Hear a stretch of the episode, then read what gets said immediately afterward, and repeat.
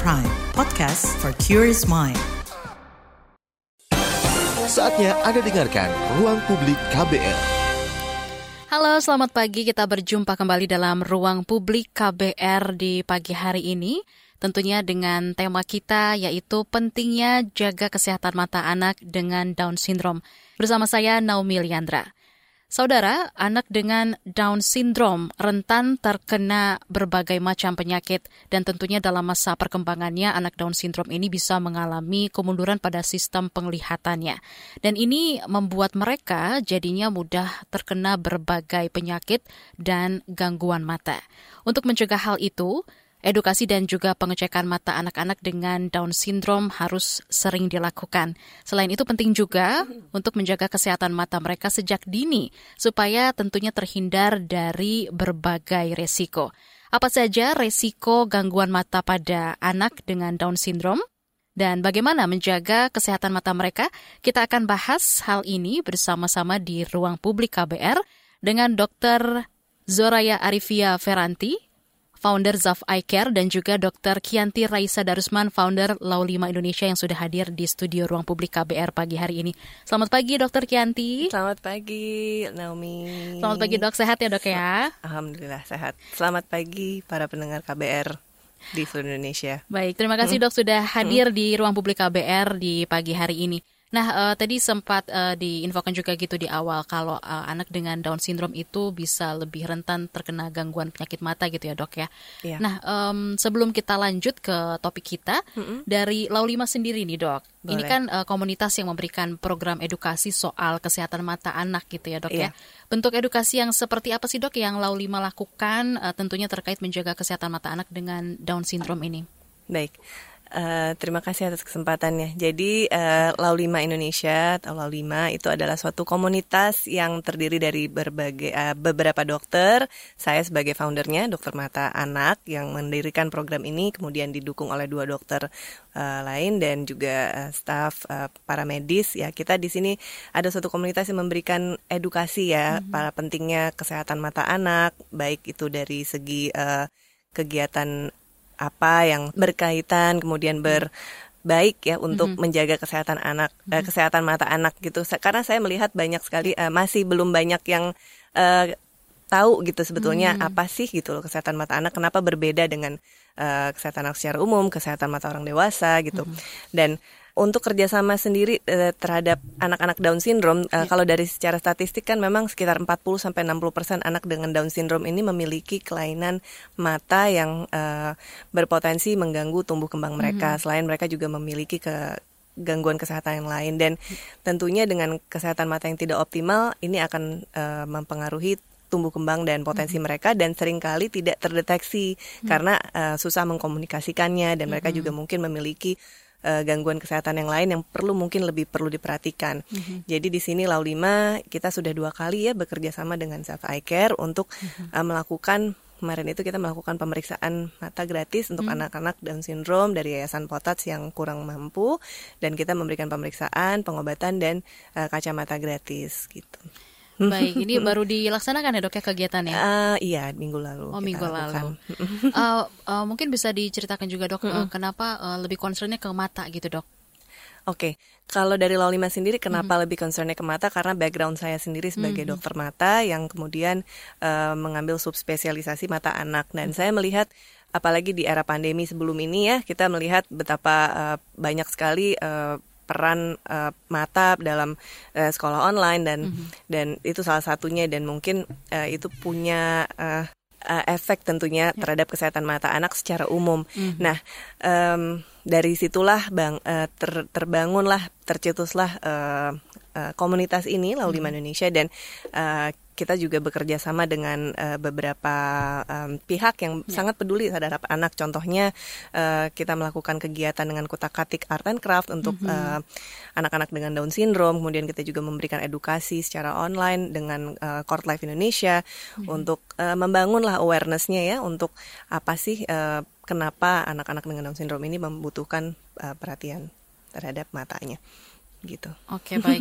Tapi uh, dok sebenarnya yeah. Iya. uh, apa beda hmm. gitu dok pemeriksaan hmm. mata untuk anak Down syndrome dengan anak-anak yang tanpa Down syndrome? Hmm. Jadi kalau pemeriksaannya sendiri sebetulnya memang ada kesamaan tapi ada juga perbedaan. Artinya memang karena mereka adalah anak-anak yang berkebutuhan khusus, tentunya pemeriksaannya membutuhkan eh, kekhususan satu ya eh, teknik ya, terus kesabaran, kemudian juga teknik tertentu yang memang tidak bisa sama dengan anak yang em, tidak berkebutuhan khusus ya Cara gitu. penanganannya Secara penanganannya juga berbeda.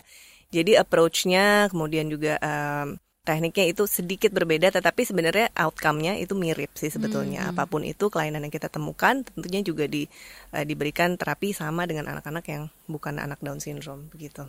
Tadi sempat di sounding juga ya sama Dokter Kianti gitu ya, eh, sempat bekerja sama juga dengan Zaf Eye Care gitu dan Persatuan Orang Tua Anak dengan Down Syndrome atau Iya. POTAS eh, melakukan pemeriksaan mata untuk anak dengan Down Syndrome. Mungkin bisa diceritakan sama pendengar gitu dok, Iya. eh, seperti apa sih kegiatan dan juga program ini? Oke. Jadi ini kan eh, sudah kedua kalinya kita lakukan ya dan memang kita pertama kali tuh melakukan kegiatan pemeriksaan ini di bulan September 2021 ya dan kita melakukan kalau nggak salah di lim- 17 anak dengan Down syndrome. Memang kita kalau dari secara volume kita tidak mau terlalu banyak dulu ya karena kita kan mau memberikan kualitas dan pelayanan yang baik. Jadi kita melakukan itu eh, pemeriksaan, kemudian eh, pemberian obat bila dibutuhkan, kemudian kacamata gratis. Kemudian eh, kemarin bulan Maret eh, minggu lalu itu kita melakukan juga ke anak yang sama. Jadi kita melakukan follow up ke anak-anak tersebut. Begitu dan ternyata memang ukuran kacamatanya juga ada yang berubah, kemudian juga kacamatanya juga banyak yang sudah kondisinya harus diganti seperti itu. Jadi memang em, kita ingin sekali berkelanjutan dan eh, ini ditanggapi dengan sangat eh, positif sekali ya dari Yayasan Potats dan orang tua dan ingin sekali nih kalau bisa kegiatan yang sama dilakukan di kota-kota lain. Baik. Gitu. Ini eh, di kota mana aja sih dok? Ini sih baru di Jakarta. Baru di Jakarta iya. ya. Oke. Heeh. Tapi kalau di dalam uh, pemeriksaan ini sendiri dok, uh, yang paling sering ditemukan itu kasus apa sih yang paling uh, banyak ditemukan mungkin penyakit mata yang seperti apa dan Iya. tindak lanjutnya gimana tadi? Oke, yang paling banyak itu adalah eh, gangguan refraksi. Kelainan refraksi itu adalah maksudnya yang perlu dikoreksi dengan kacamata. Dan pemberian kacamata itu itu bisa minus, bisa silinder. Nah, pemeriksaannya sendiri juga memang eh, agak berbeda ya, karena kan memang harus dengan secara objektif ya. Jadi ditetes obat tetes mata dulu untuk melebarkan pupil matanya, kemudian dilakukan pemeriksaannya itu bukan anaknya harus baca A B C D gitu. Jadi memang kita lakukan secara objektif. Tapi itu pada anak-anak yang tidak Down syndrome pun juga memang dilakukan, apalagi kalau misalnya anaknya masih belum bisa baca atau misalnya anaknya tidak kooperatif ya di bawah umur lima tahun itu juga kita biasa lakukan. Jadi eh, tidak berbeda-beda amat gitu. Iya. Cuma memang pada anak Down syndrome mungkin rentang usianya akan bisa lebih eh, usia lebih tua kita harus lakukan hal yang dilakukan pada anak-anak tidak Down syndrome gitu. Paling banyak sih memang kelainan eh, kacamata yang dikoreksi dengan kacamata. Oke, Eh, yang tadi disebut dengan refleksi itu ya dok ya? Refraksi. Oh, refraksi, oke. Iya. sorry. Nah dok, eh, usia yang di eh, usia anak yang diperiksa dok Iya. dan juga eh, latar belakang mereka, ini apa sih yang dijadikan panduan dan alasan mereka yang dipilih gitu dok?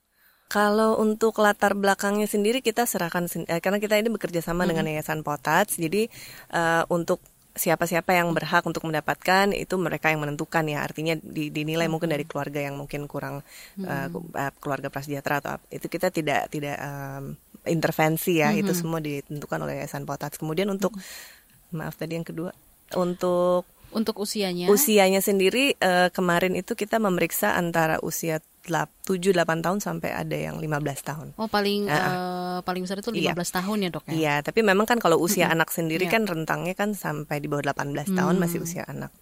Mm. Itu paling dominan di usia berapa dok yang kemarin hadir? Kemarin itu eh, bervariasi ya karena memang em, kita kan melakukan follow up dari yang tahun 2021. Jadi memang range-nya ya sekitar 8 sampai eh, 15. Baik. Nah ini Iya. eh, pada saat eh, dokter memberikan edukasi gitu ya dok dan juga pengecekan mata pada anak dengan Down Iya. syndrome ini sendiri, eh, ada cerita di balik itu mungkin tantangan-tantangannya seperti apa dok pada saat pemeriksaan itu berlangsung mungkin bisa diceritakan juga. Iya, eh, uniknya gini ya. Jadi kalau eh, pertama kali kita lakukan dalam tahun 2021 memang kita juga belum ini kan pertama kali kita lakukan, kemudian juga eh, masih eh, belum ada pakemnya gitu ya. Anak-anak masih banyak nangis, tidak kooperatif, apalagi begitu ditetes obat kan mungkin perih dan lain-lain. Nah, Alhamdulillah kemarin em, itu bisa kita lewati dengan lebih baik. Artinya anak-anak udah lebih kooperatif. Kemudian juga uh, sering kali ini pengalaman um, anak-anak dengan berkebutuhan khusus ini hmm. harus diberikan kalau di rumah sakit ya pemeriksaannya hmm. mereka tuh merasa uh, mungkin takut. Kemudian hmm. juga harus kadang beberapa harus diberikan obat tidur dulu nih supaya bisa diperiksa dengan kooperatif. Nah, hmm. uh, tapi mungkin karena kita bisa menciptakan suasananya kemarin di Zaf Care dengan suasana yang fun, anak-anak juga tidak takut uh, kita tidak perlu sama sekali tuh memberikan uh, obat tidur ataupun mm-hmm. ini anak-anaknya bisa kita ajak sambil main dan lain-lain. Memang sih waktu yang diperlukan tentu tetap lebih lama ya, hmm. tapi bisa dilakukan. Baik. Gitu. Nah, dok ini berkaitan juga hmm. dengan uh, topik kita tentunya yeah. dari pengamatan Anda sendiri hmm. sebagai dokter, seperti apa sih pemahaman orang gitu dengan anak Down syndrome soal uh, kesehatan mata ini, dok? Saya bicara kalau misalnya dari dokter sendiri mm -hmm. mungkin uh, tergantung ya. Kalau misalnya di pelayanan balik lagi seperti tadi saya sampaikan, yeah. kalau misalnya tadi kita lakukan kan di Zaf Care kita bisa berikan mm -hmm. pelayanan yang uh, nyaman buat anak ya. Hmm. Jadi anak tidak merasa uh, takut, kita tidak perlu nyaman gitu ya. Ya, tidak perlu berikan uh, obat tidur hmm. karena pemeriksaannya bisa berlangsung uh, dengan baik gitu ya. Hmm. Jadi um, sebetulnya ini ingin sekali sih saya mengajak teman-teman juga mungkin teman-teman dokter mata bahwa hmm. sebetulnya uh, bakti sosial pemeriksaan mata anak dengan Down syndrome ini mungkin sekali dilakukan tanpa harus uh, melakukan uh, pemberian anestesi, oh, obat bius dan lain-lain. Artinya memang harus um, dipersiapkan dan memang kita tidak bisa memeriksa dalam satu periode waktu hmm. uh, satu hari itu hmm. terlalu banyak pasien gitu, terlalu banyak anak. Kemudian kalau untuk persepsi ya, eh, dari... eh, dokter non mata mungkin -hmm. saya uh, kurang dapat mewakili ya karena -hmm. uh, saya lebih baik uh, stay di uh, uh, saya profesi saya sebagai dokter mata Baik. begitu.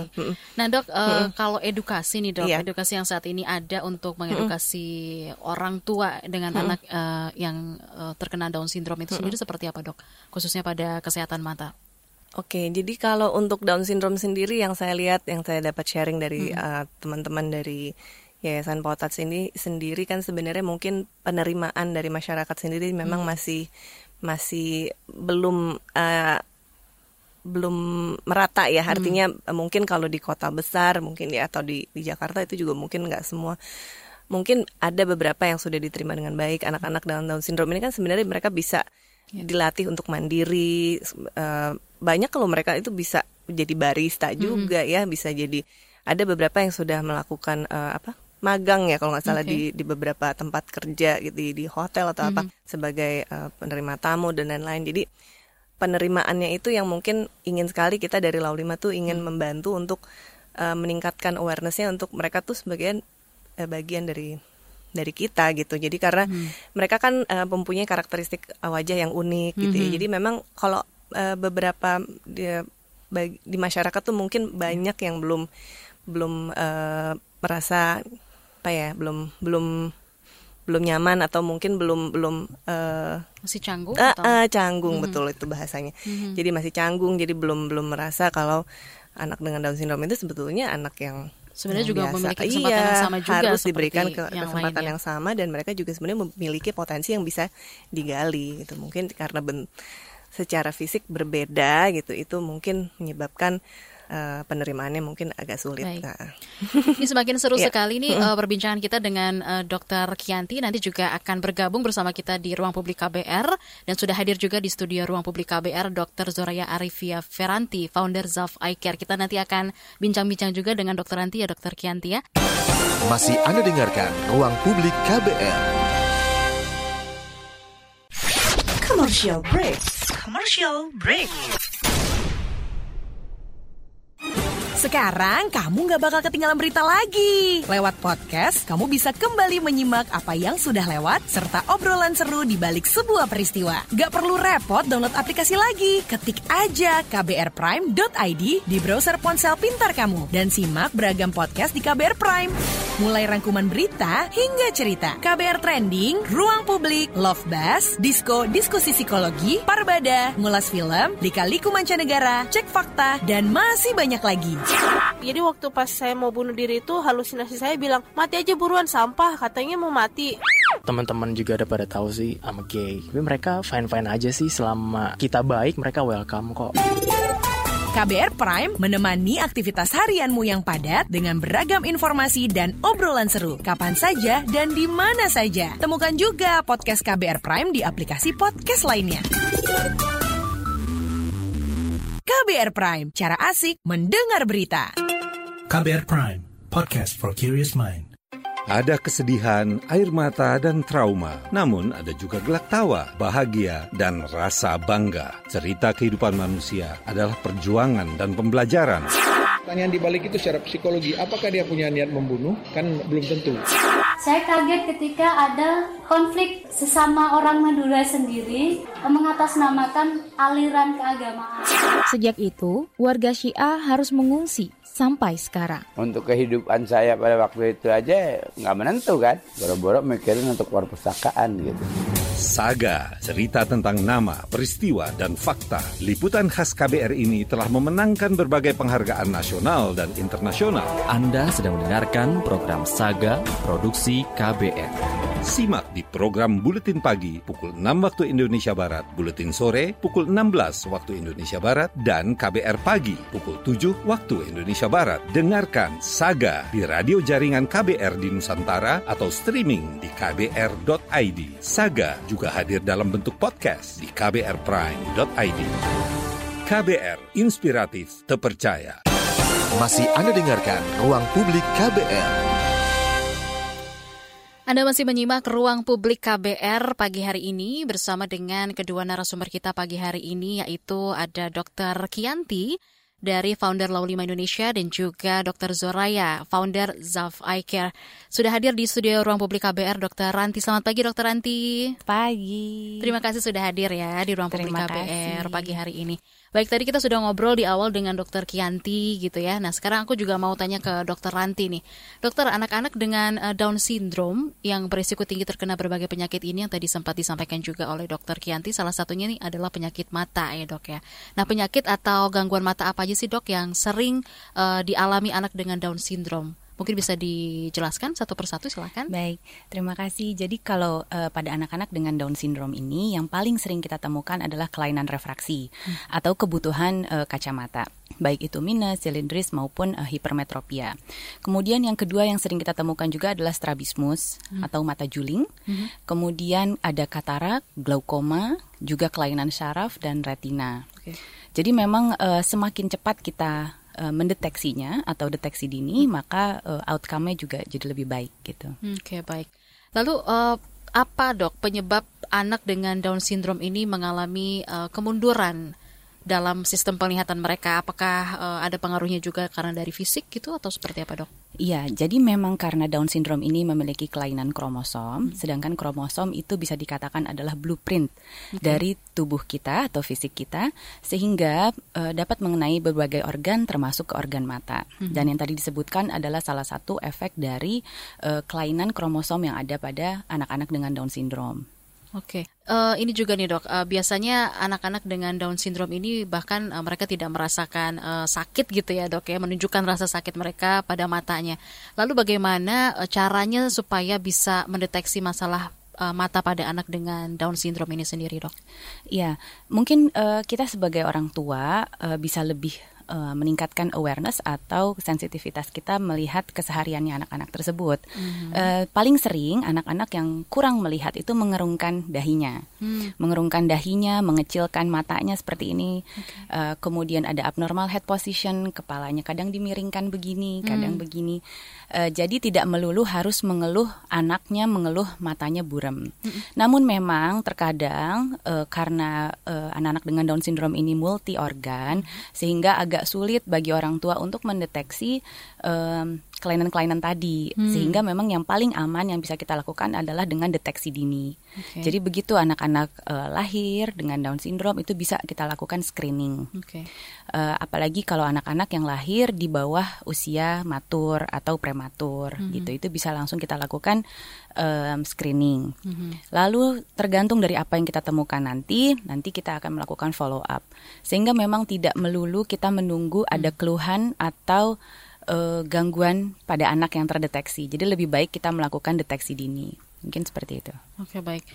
Kalau untuk pemeriksaan dini ini dok ya, apakah ini bisa dilakukan di semua rumah sakit atau seperti apa nih dok?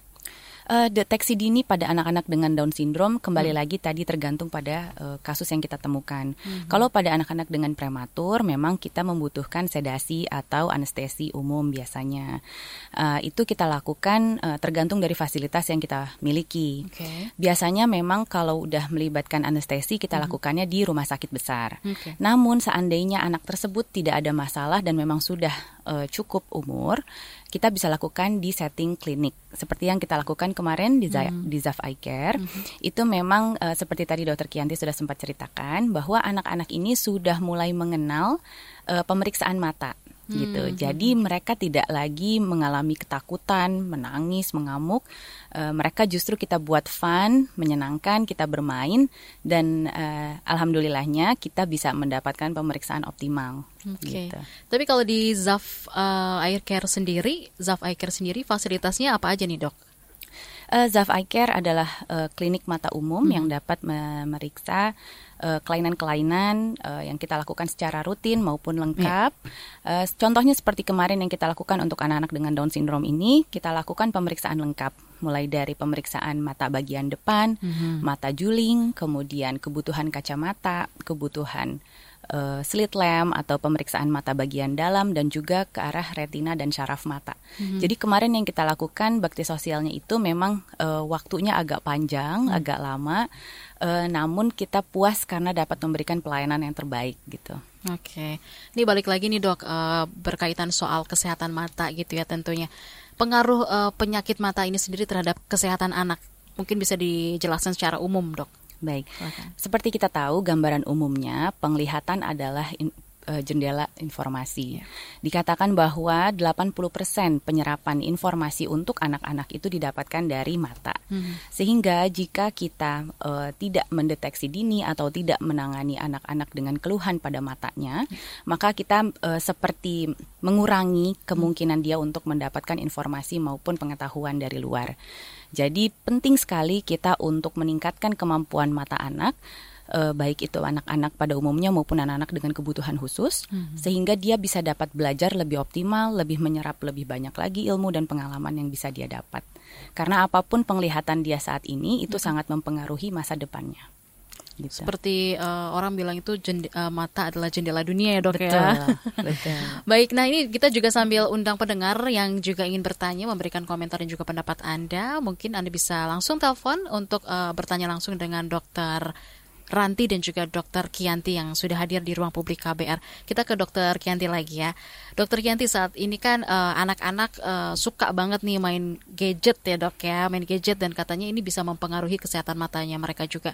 Bagaimana Ya. sih dok pengaruh gadget ini sendiri pada anak dengan Down syndrome khususnya? Apakah ini sama dengan Hmm. anak-anak lain atau seperti apa dok? Iya, secara umum pengaruh gadget terhadap anak-anak yang tidak berkebutuhan khusus dengan anak-anak Down syndrome sebenarnya sama ya. Jadi Hmm. pembatasan atau durasinya itu sangat berpengaruh. Mhm. Karena memang eh, fokus terus-menerus terhadap eh, gadget yang dekat dan kurangnya aktivitas di luar ruangan ini dapat meningkatkan progresivitas penambahan minus pada Hmm. mata. Apalagi anak yang masih tumbuh. Jadi itu penting sekali pada orang tua mungkin yang dengar di sini baik uh, anak-anaknya yang mungkin dengan Down syndrome atau yang Hmm. tidak itu untuk membatasi penggunaan gadget Mhm. karena memang ya apa pun itu ya ma- mau gadget apa pun baca buku uh, Mhm. pengaktivitas dekat yang terus-terusan dan tanpa ada break tanpa ada istirahat itu dapat meningkatkan kemungkinan penambahan minus yang cepat. Oke baik dok. Ini eh, boleh tahu nggak nih dok kegiatan apa saja sih yang sebenarnya punya manfaat baik untuk kesehatan mata anak dengan Down syndrome ini? Secara umum sebetulnya kegiatan yang baik untuk kesehatan mata adalah memperbanyak aktivitas outdoor dan Hmm. memperbanyak uh, kalau pada anak-anak dengan Down syndrome adalah um, kita coba lakukan adalah melatih motorik mereka juga gitu ya. Waktu Hmm. itu kita lakukan dengan uh, art and craft gitu. Jadi um, kalau kita gadget itu tidak selalu buruk. Artinya kan juga memberikan informasi, memberikan edukasi, tetapi kan uh, tidak ada uh, stimulasi motorik lainnya ya, hanya sensorinya ba- ma- Hmm. mata saja ya, tapi Mm-mm. kurang lah untuk motorik yang lain. Jadi di sini kita ingin sekali membangunkan mem- awarenessnya juga um, untuk orang tua dan juga untuk edukator ya untuk um, me- apa ya switch lah, jangan Hmm. hanya melulu menggunakan uh, gadget untuk Jadi dikasih batasan edukasi, juga ya, iya, Dok, ya. batasan sesuai usia. Uh, baik, kita nanti akan lanjutkan kembali obrolan kita pagi hari ini bersama dengan Dr. Ranti dan juga Dr. Kianti. Tetaplah di ruang publik KBR. Masih Anda dengarkan Ruang Publik KBR. Yuk follow social media KBR. Twitter at Berita KBR. Instagram at KBR.id. Youtube Berita KBR. Masih Anda dengarkan Ruang Publik KBR. Ya, berjumpa kembali dalam ruang publik KBR. Kita masih bersama dengan kedua narasumber kita, Dr. Kianti dan juga Dr. Ranti yang sudah ada di uh, ruang publik KBR pagi hari ini. Dan untuk Anda yang sudah mengirimkan pertanyaan melalui pesan singkat WhatsApp 0812 118 8181 dan juga sudah mengirimkan pertanyaan Anda di komentar channel YouTube Berita KBR, kita akan bacakan. Tapi sebelumnya kita mau ke Dr. uh, Kianti dulu ya. Dokter, Apakah ada pembedanya nih dok pemeriksaan mata untuk anak Down syndrome dengan anak-anak tanpa Down syndrome ini sendiri dok? Saya. Ya. Oke. Pembeda perbedaannya adalah mungkin dari segi eh, waktu ya, Oke. waktu pemeriksaan. Jadi kan karena mereka anak-anak yang berkebutuhan khusus, jadi mungkin penjelasan kita apa yang apa yang Hmm. kita akan lakukan untuk pemeriksaan itu akan butuh lebih waktu, lebih lebih panjang dibandingkan Hmm. anak-anak lain. Kemudian juga mungkin kalau pada tadi saya sempat sampaikan kalau pada anak-anak yang tidak berkebutuhan khusus, mungkin kita tidak perlu melakukan penetesan obat untuk dilatasi pupil ya, untuk Hmm. melebarkan pupilnya sampai usia tertentu mungkin pada rentang waktu anak Down syndrome itu mungkin lebih tua gitu. Mm-mm. Jadi mungkin dari segi itu yang perbedaan utamanya. Tapi kalau se- secara umum eh, hampir sama sih dengan eh, anak-anak lain. Mungkin dari dokter Ranti bisa ditambahkan ada tambahan? Ya kurang lebih sama. Eh, jadi memang kalau eh, pada anak-anak dengan Down syndrome ini, em, karena memang eh, kita membutuhkan waktu lebih banyak, sehingga di awal biasanya kita sudah menjelaskan bahwa pemeriksaannya akan kita lakukan A, B, C, D, sehingga orang tua dan anak sendiri udah dalam keadaan siap. Hmm. Kalau bisa perutnya sudah kenyang, Hmm. jangan dalam kondisi dia lapar Biar nggak atau ya, Dok, ngantuk, ya. biar nggak cranky. Karena emang pemeriksaannya butuh waktu yang lebih panjang. Hmm. Kemudian eh, yang kedua kita buat se apa ya se fun mungkin, Mhm. semenyenangkan mungkin supaya tidak dalam setting yang mengerikan Hmm. atau menyeramkan gitu ya, kayaknya eh, mencekam gitu mau ke dokter mau dipegangin. Karena eh, biasanya pada saat kita penetesan obat mata itu kan karena dia nggak kooperatif, Mhm. jadi akhirnya dipegangin dan lain sebagainya yang mana justru menimbulkan tambah trauma. Hmm. Maka di sini kita emang biasanya eh, dibuat lupa dulu sama apa yang mau dilakukan, nanti Mhm. tahu-tahu triknya tetesin gitu. Mhm. Jadi mereka nggak trauma. Harapannya seperti itu. Kemudian em, kurang lebihnya sama ke de- eh, ke belakangnya sih kita lakukan pemeriksaan yang sama. Cuma seperti tadi Dokter Kianti udah bilang bahwa eh, ada beberapa pemeriksaan yang kita butuh penyesuaian. Jadi eh, kita lakukan misalkan penetesan itu jadi pada biasanya kita lakukan di anak-anak kecil aja, ini Iya. jadi lebih gede anak-anaknya. Mhm. Kemudian juga eh, pemeriksaan tertentu kita lakukan secara rutin di Down syndrome contoh seperti Mhm. strik retinoskopi eh, pada anak-anak yang lain mungkin tidak harus dilakukan rutin. Hmm. Eh, mungkin hal-hal yang berbeda sedikit sekali sih tapi lebih kepada em, waktu Mhm. upaya yang kita lakukan umpa- eh, agar anak-anak jadi lebih eh, kooperatif. Baik, itu tadi penjelasan dari Dokter Kianti dan juga Dokter Ranti ya. Nah, sekarang kita akan baca eh, pertanyaan-pertanyaan yang sudah masuk di WhatsApp-nya KBR. Yang pertama ada Ibu Salsa di Jakarta. Mau tanya dok, penyakit mata pada anak Down syndrome itu apa bisa membuat mereka hilang penglihatan juga atau hanya menurun saja sistem penglihatannya? Silakan bisa ditanggapi dulu oleh Dokter Ranti. Oh, baik, uh, terima kasih Ibu Salsa. Jadi pertanyaannya tadi apakah uh, penglihatannya bisa sampai terganggu dan sejauh mana gitu ya? Yeah. Jadi sebetulnya kembali lagi ke uh, penyebab penyakitnya itu apa hmm. dan seberapa cepat kita mendeteksinya gitu. Jadi kalau kita uh, lakukan pemeriksaannya dini, pengobatannya dini, kemudian juga waktu follow up dari orang tua juga hmm. ketat, pengobatan dilakukan dengan baik, uh, prognosisnya cukup baik pada anak-anak ini.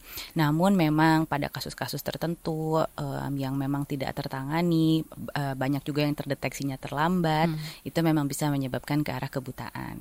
Hmm. Gitu. Jadi memang deteksi dini itu sangat-sangat penting banget ya dok ya? Betul. ya ke apa ke kepedulian orang tua tuh sangat dibutuhkan juga ya dok ya tentunya. Yeah. Nah kita lanjut lagi uh, dari Bapak Reynald di Surabaya. Screening mata yang dilakukan Laulima dan Zaf Eye Care untuk anak berkebutuhan khusus ini apa akan diadakan di kota-kota lain di luar Jakarta? Ibu uh, Dokter Kianti dulu nanti disambung oleh Dokter Ranti silakan. Iya, terima kasih atas pertanyaannya.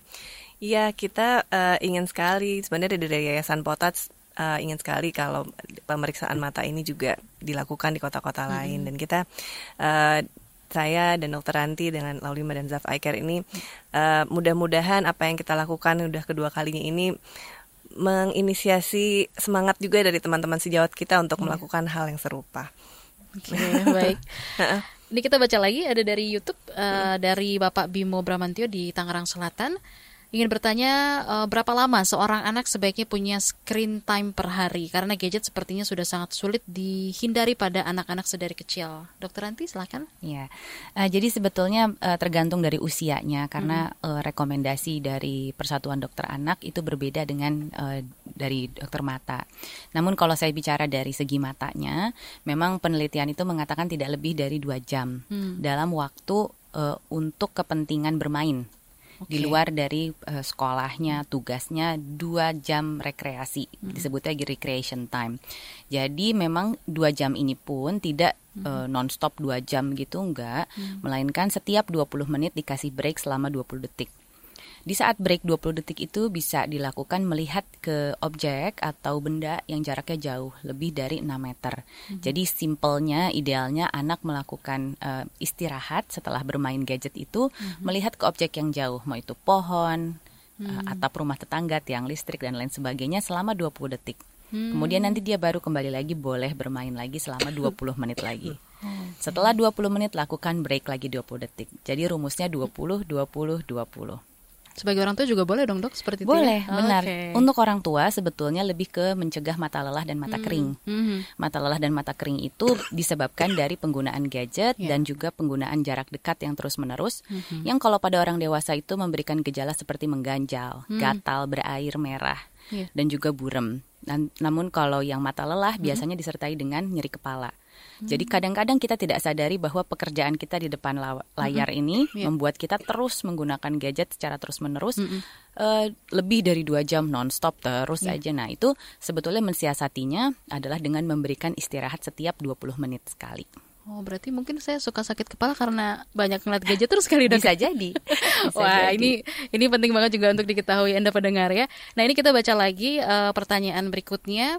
Apakah ada makanan-makanan atau vitamin suplemen tertentu yang bisa dikonsumsi rutin secara mudah dan praktis pada anak supaya menjaga kekuatan otot matanya sedari kecil? Mungkin bisa ditanggapi dulu oleh Dokter Ranti, disambung oleh Dokter Kianti, silakan. Terima kasih.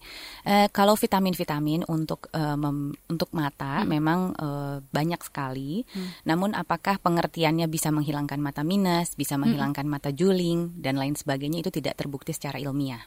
Jadi kalau kita mau berpegangan kepada pada ilmiah, vitamin yang diperlukan untuk mata memang vitamin A.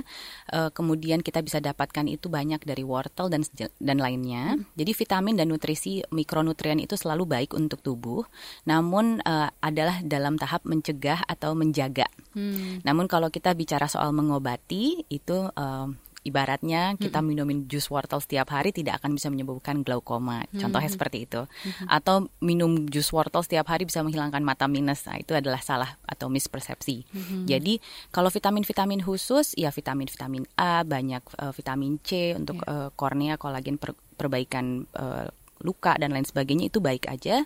Namun um, kembali lagi kita sebetulnya lebih mementingkan healthy lifestyle atau per perbaikan gaya hidup yang Hmm. pola hidup sehat, gizi seimbang, olahraga teratur, sering terkena matahari pada anak-anak Hmm. dan terapkan tadi 20 20 20. Rasanya itu akan jauh lebih optimal untuk menjaga kesehatan mata anak. Wah ini dapat rumusan baru nih dari dokter Ranti dan juga dokter Kianti gitu ya. Ada rumusan 20 20 20. Jadi kalau udah ngerasa 20 menit matanya mulai lelah, 20 detik melihat yang hijau-hijau gitu ya. Melihat yang jauh. Atau juga melihat yang warna merah ya, Dok. Ah, kalau itu langsung sehat ya, Sehat ya. ya.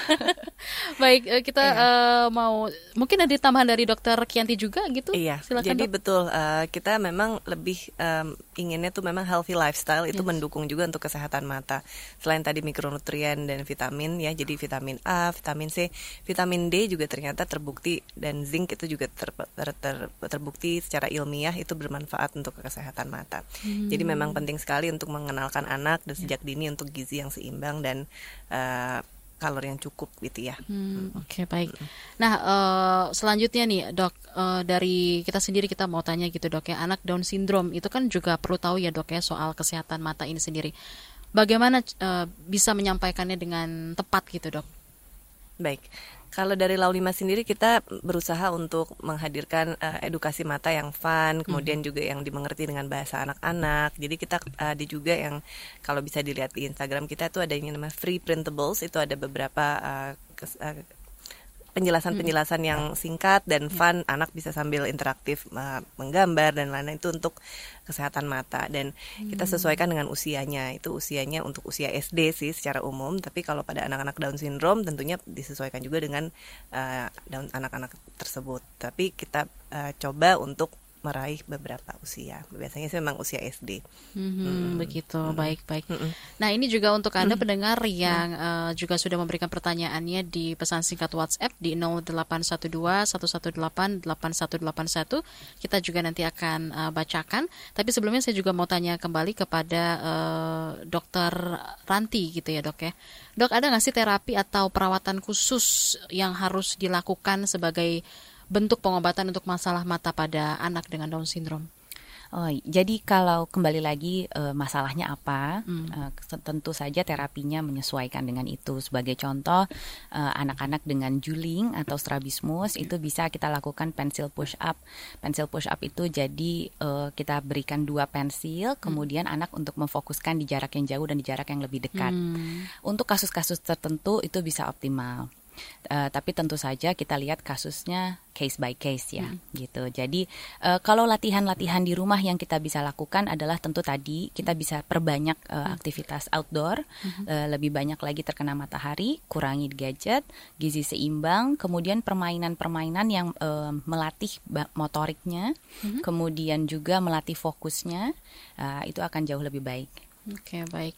Dampak yang terjadi nih dok, bila gangguan mata pada anak Down syndrome itu nggak langsung didete- dideteksi dan juga diobati, seperti apa dok? Ya memang kalau pada kasus-kasus yang berat seperti katakanlah katarak ataupun glaukoma pada anak-anak dengan Down syndrome itu memang bisa menyebabkan ke arah kekebutaan. Tapi menuju ke sana itu sebetulnya waktunya panjang, Mbak. Jadi eh, banyak waktu untuk kita melakukan deteksi dan intervensi, sebetulnya begitu. Jadi eh, semakin cepat kita melakukan intervensi, eh, tentu perbaikannya akan jadi lebih nyata dan outcome-nya pun jadi lebih baik gitu. Baik. Dok, nanti kita lanjutkan kembali eh, obrolan kita di pagi hari ini tentunya dengan tema yaitu pentingnya jaga kesehatan mata anak dengan Down syndrome. Masih Anda dengarkan Ruang Publik KBR. Commercial break. Commercial break.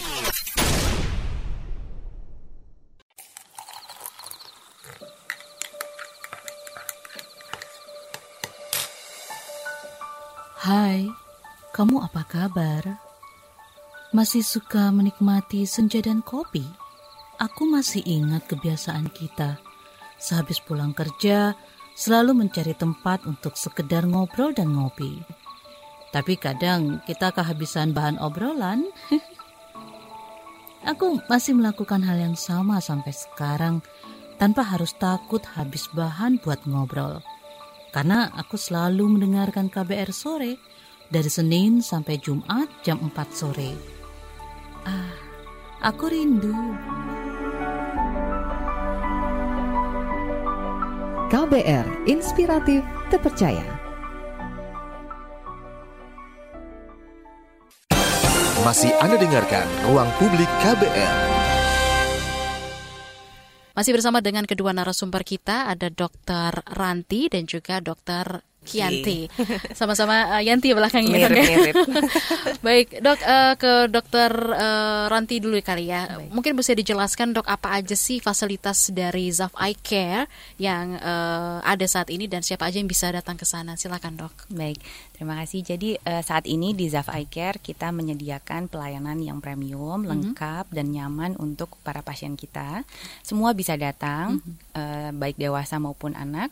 Terutamanya kita menyediakan klin- layanan klinik yang homey, Hmm. yang membuat uh, kesan ngeri atau mencekam datang ke rumah sakit atau ke klinik itu kita coba untuk minimalisir. Oke. Uh, dengan kita memberikan ruang seperti ini, mudah-mudahan kita bisa mendapatkan pemeriksaan yang jauh lebih optimal, terutamanya pada anak-anak.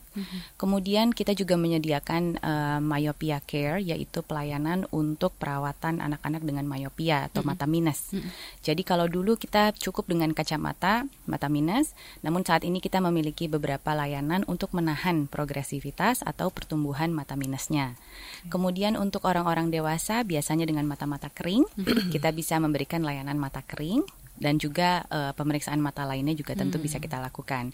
Namun memang yang paling kita eh, sering dapatkan pasiennya adalah pasien-pasien anak eh, yang kemudian kita beri terapi dengan mata minus eh, pencegahan mata minus dan juga pencegahan penambahan mata minus dan juga eh, mata kering. Oke, seperti itu ya dari Zaf Care sendiri. Em, selain itu mungkin bisa ke dokter Ranti lagi tadi belum terjawab yang bisa datang ke sana berarti dari segala usia ya dok ya, Segala tentunya? usia, semua dari anak sampai dewasa kita terima. Ini kalau di Jakarta lokasi di mana dok? Eh, kami di Jalan Benda, di Jalan Benda nomor 7F itu di Broadway Kemang. Hmm. Eh, eh, jadi daerahnya di sekitarnya banyak restoran. Jadi Hmm. kalau misalkan lagi menunggu, bosen bisa sambil makan, sambil jajan. Di, di situ juga kita sediakan kafe. Mhm. Jadi kita buat senyaman mungkin untuk keluarga. Seringkali kita eh, dapat eh, apa pasien-pasien itu satu keluarga jadi mulai dari bapaknya, ibunya, anak-anaknya semua melakukan pemeriksaan. Tentu kalau kita buat settingannya seperti di rumah sakit atau Iya. di klinik lain eh, antri seperti Mm-mm. itu mungkin kurang nyaman. Mhm. Jadi kita blok untuk eh, waktu tertentu Mhm. kita buat khusus untuk keluarga tersebut. Jadi itu akan jauh lebih nyaman terutama karena kita memang berdiri di eh, masa pandemi sehingga kita sangat mendahulukan atau mengutamakan patient safety terutamanya dari segi eh, keamanan terhadap pandemi. Mungkin Oh, seperti itu. Baik, jadi satu keluarga bisa langsung uh, periksa di Zaf Eye. Care ya dok ya. Betul. Baik, nah ini kita ke Dokter Kianti dulu. Dokter Kianti, kalau untuk agenda Lau 5 sendiri nih dok tahun 2023 selain pemeriksaan mata bagi anak Down syndrome seperti Ya. apa kan lalu gitu ya? Ada kegiatan lain dok? Kalau untuk secara pasti belum, kita akan eh, yang jelas kita akan tetap mensupport Yayasan Potats dan teman-teman dengan Down syndrome bahwa ingin sekali untuk dapat eh, penerimaan mereka di masyarakat itu juga lebih baik, kemudian juga eh, mengembangkan potensi mereka sebaik mungkin. Jadi ingin sekali dari Lalu Lima sendiri kan eh, sesuai dengan arti dari kata Lalu Lima sendiri kan kita ingin bergandengan tangan dengan mereka Hmm. yang peduli dengan anak-anak dan di sini khususnya pada anak-anak dengan Down syndrome kami ingin bekerja sama untuk meningkatkan awareness dan kepeduliannya itu. Baik. Nah, eh, gini dok, selain edukasi Iya. anak Down syndrome ini kan juga tentunya memerlukan dukungan ya dan juga eh, perhatian terkait perkembangan potensial mereka dan juga kesehatannya. Menurut anda dukungan seperti apa yang bisa dilakukan orang tua dan keluarga untuk anak Down syndrome ini sendiri dok? Tentunya kalau dari keluarga eh, tentunya eh, ini eh, deteksi dini itu sangat penting. Hmm. Jadi awareness dari orang tua bahwa memang anak dengan Down syndrome ini memang anak yang berkebutuhan khusus. Jadi memang memiliki berbagai eh, kondisi kesehatan yang perlu perhatian khusus. Salah satunya adalah kesehatan mata. Jadi untuk kesehatan mata sendiri seperti tadi Dokter Yanti sudah sampaikan bahwa 80% informasi yang diserap dari se- sekeliling anak itu adalah dari mata yang sehat. Jadi apabila anak dengan Down syndrome tidak mem- eh, tidak dideteksi adanya kelainan mata sejak dini, tentunya tumbuh kembangnya juga tidak akan optimal. Oke, baik. Mungkin eh, dari Dokter Ranti ada tambahan? Eh, mungkin kalau dari segi masyarakat dan kita secara umumnya eh, bisa kita lebih support atau memberikan dukungan untuk anak-anak dengan Down syndrome dan terutama keluarganya juga adalah dengan menerima mereka, Hmm. jangan menganggap mereka berbeda. Hmm. Kalau kalau uh, kita sudah berada di sekeliling mereka ya, terutama kita karena sering melakukan kerjasama dengan Yayasan Potats, jadi ternyata anak-anak itu tuh cerdas-cerdas sekali. Hmm. Mereka itu sangat berbakat. Jadi beri mereka ruang. Banyak yang um, sudah apa ya? uh, sudah menganggap bahwa kayaknya uh, hmm. meragukan, nggak hmm. bisa dan lain sebagainya. Tapi sebetulnya mereka bisa, mereka bisa melukis, hmm. mereka bisa berkarya sampai akhirnya menjadi sebuah pakaian yang layak pakai dan sangat bagus. Hmm. Bahkan sudah banyak ditaruh di event-event internasional. Hmm. Kemudian mereka juga bisa menjadi barista yang baik. Mereka membuat minumannya dan kita sudah mencobanya kemarin, hmm, rasanya enak sekali. Kemudian juga mereka bisa uh, melukis. Oh, mereka bisa fashion show. Wow. Jadi beberapa waktu yang lalu mereka bisa fashion show dan itu menarik sekali. Jadi sebetulnya tugas kita sebagai masyarakat adalah menerima mereka dan memberi mereka kesempatan. Oke, okay, baik. Tapi ini Dok uh, yang paling sering uh, masih ditemukan juga gitu ya masih banyak juga persoalan kurangnya fasilitas atau kurang uh, meratanya pemeriksaan dini bagi kesehatan mata anak. Mungkin bisa ditanggapi dari dokter Kianti dulu, kemudian dokter nanti seperti apa nih dok menurut Anda? Kalau untuk fasilitas sebetulnya saya rasa dengan fasilitas yang ada itu sudah cukup, tetapi mungkin awarenessnya ya, mungkin Awareness. AA dan keinginannya. Karena memang uh, alokasi waktu untuk anak-anak dengan Down syndrome yang tadi kita sudah sampaikan memang kan butuh effort dan mungkin waktu yang lebih lama. Jadi mungkin kalau uh, melakukan hal ini dibutuhkan uh, alokasi waktu yang lebih dan effortnya yang lebih dibandingkan anak-anak ataupun bakti sosial hmm. orang dewasa gitu. Baik, hmm. mungkin dari dokter Ranti gimana dok? Kurang lebih sama karena memang sebetulnya uh, mereka tidak membutuhkan uh, hmm. suatu uh, lokasi khusus hmm. atau seperti apa. Sebetulnya selama kita mau mengalokasikan waktu, pikiran, hmm. tenaga uh, sebetulnya memang mereka bisa kita lakukan bisa lebih dimudah digapai, bisa lebih uh, terjangkau dengan pemeriksaan-pemeriksaan asalkan tadi pemeriksaan uh, awarenessnya itu sudah hmm. terbangun sehingga awareness ini juga meliputi baik dari itu keluarganya, baik itu dari tenaga kesehatan terdekatnya hmm. sehingga kita bisa membangun suatu sistem yang uh, apa ya mumpuni hmm. untuk uh, pemeriksaan mata anak pada anak-anak dengan Down syndrome ini. Oke. Okay. Ini juga karena keterbatasan waktu ya dokter Ranti dan juga dokter uh, Kianti. Terakhir nih dok, apa harapan Anda gitu pada masyarakat dan juga orang tua supaya tentunya lebih peduli lagi dengan kesehatan mata anak khususnya dengan Down syndrome ini? Silakan dokter Kianti dulu. Baik. Ya, kami dari Laulima tidak akan berhenti ya untuk hmm. mensupport anak-anak karena kita memang ingin sekali untuk uh, meningkatkan awareness dari kesehatan mata anak dan khususnya pada Hari Down Syndrome sedunia ini kita juga ingin sekali untuk dapat terus mensupport uh, anak-anak dengan Down Syndrome uh, supaya mereka juga memiliki kesempatan yang sama, kemudian juga mendapat meraih potensi mereka yang terbaik dan juga tentunya dengan uh, membangun lagi awareness untuk dengan penerimaan di masyarakat yang lebih baik. Baik, dari dokter Anti? Uh, dari saya memang kurang lebih sama, yaitu uh, di Hari Down Syndrome Sedunia ini yang jatuh pada tanggal 21 Maret ini, mari kita tingkatkan awareness kita, penerimaan kita uh, terhadap anak-anak dengan Down Syndrome dan juga keluarganya. Hmm. Jadi uh, memberikan mereka kesempatan adalah sebuah penerimaan yang sebetulnya luar biasa artinya buat mereka. Jadi dengan memberi mereka kesempatan, mereka bisa mengembangkan bakat mereka dan menyeraih potensial mereka yang terbaik. Gitu. Baik, terima kasih banyak untuk kedua narasumber kita di pagi hari ini di ruang publik KBR. Ada Dr. Zoraya Arifia Feranti, Dr. Anti, founder Zaf Eye Care, dan juga ada Dr. Kianti Raisa Darusman, founder Laulima Indonesia. Terima kasih untuk kehadirannya di ruang publik KBR pagi hari ini. Dan tentunya juga untuk Anda pendengar yang sudah ikut berpartisipasi memberikan komentar, kemudian juga pertanyaan di ruang publik KBR. Terima kasih. Uh, saya Naomi Leandra pamit. Sampai jumpa. Baru saja Anda dengarkan Ruang Publik KBR. KBR Prime, cara asik mendengar berita. KBR Prime, podcast for curious mind.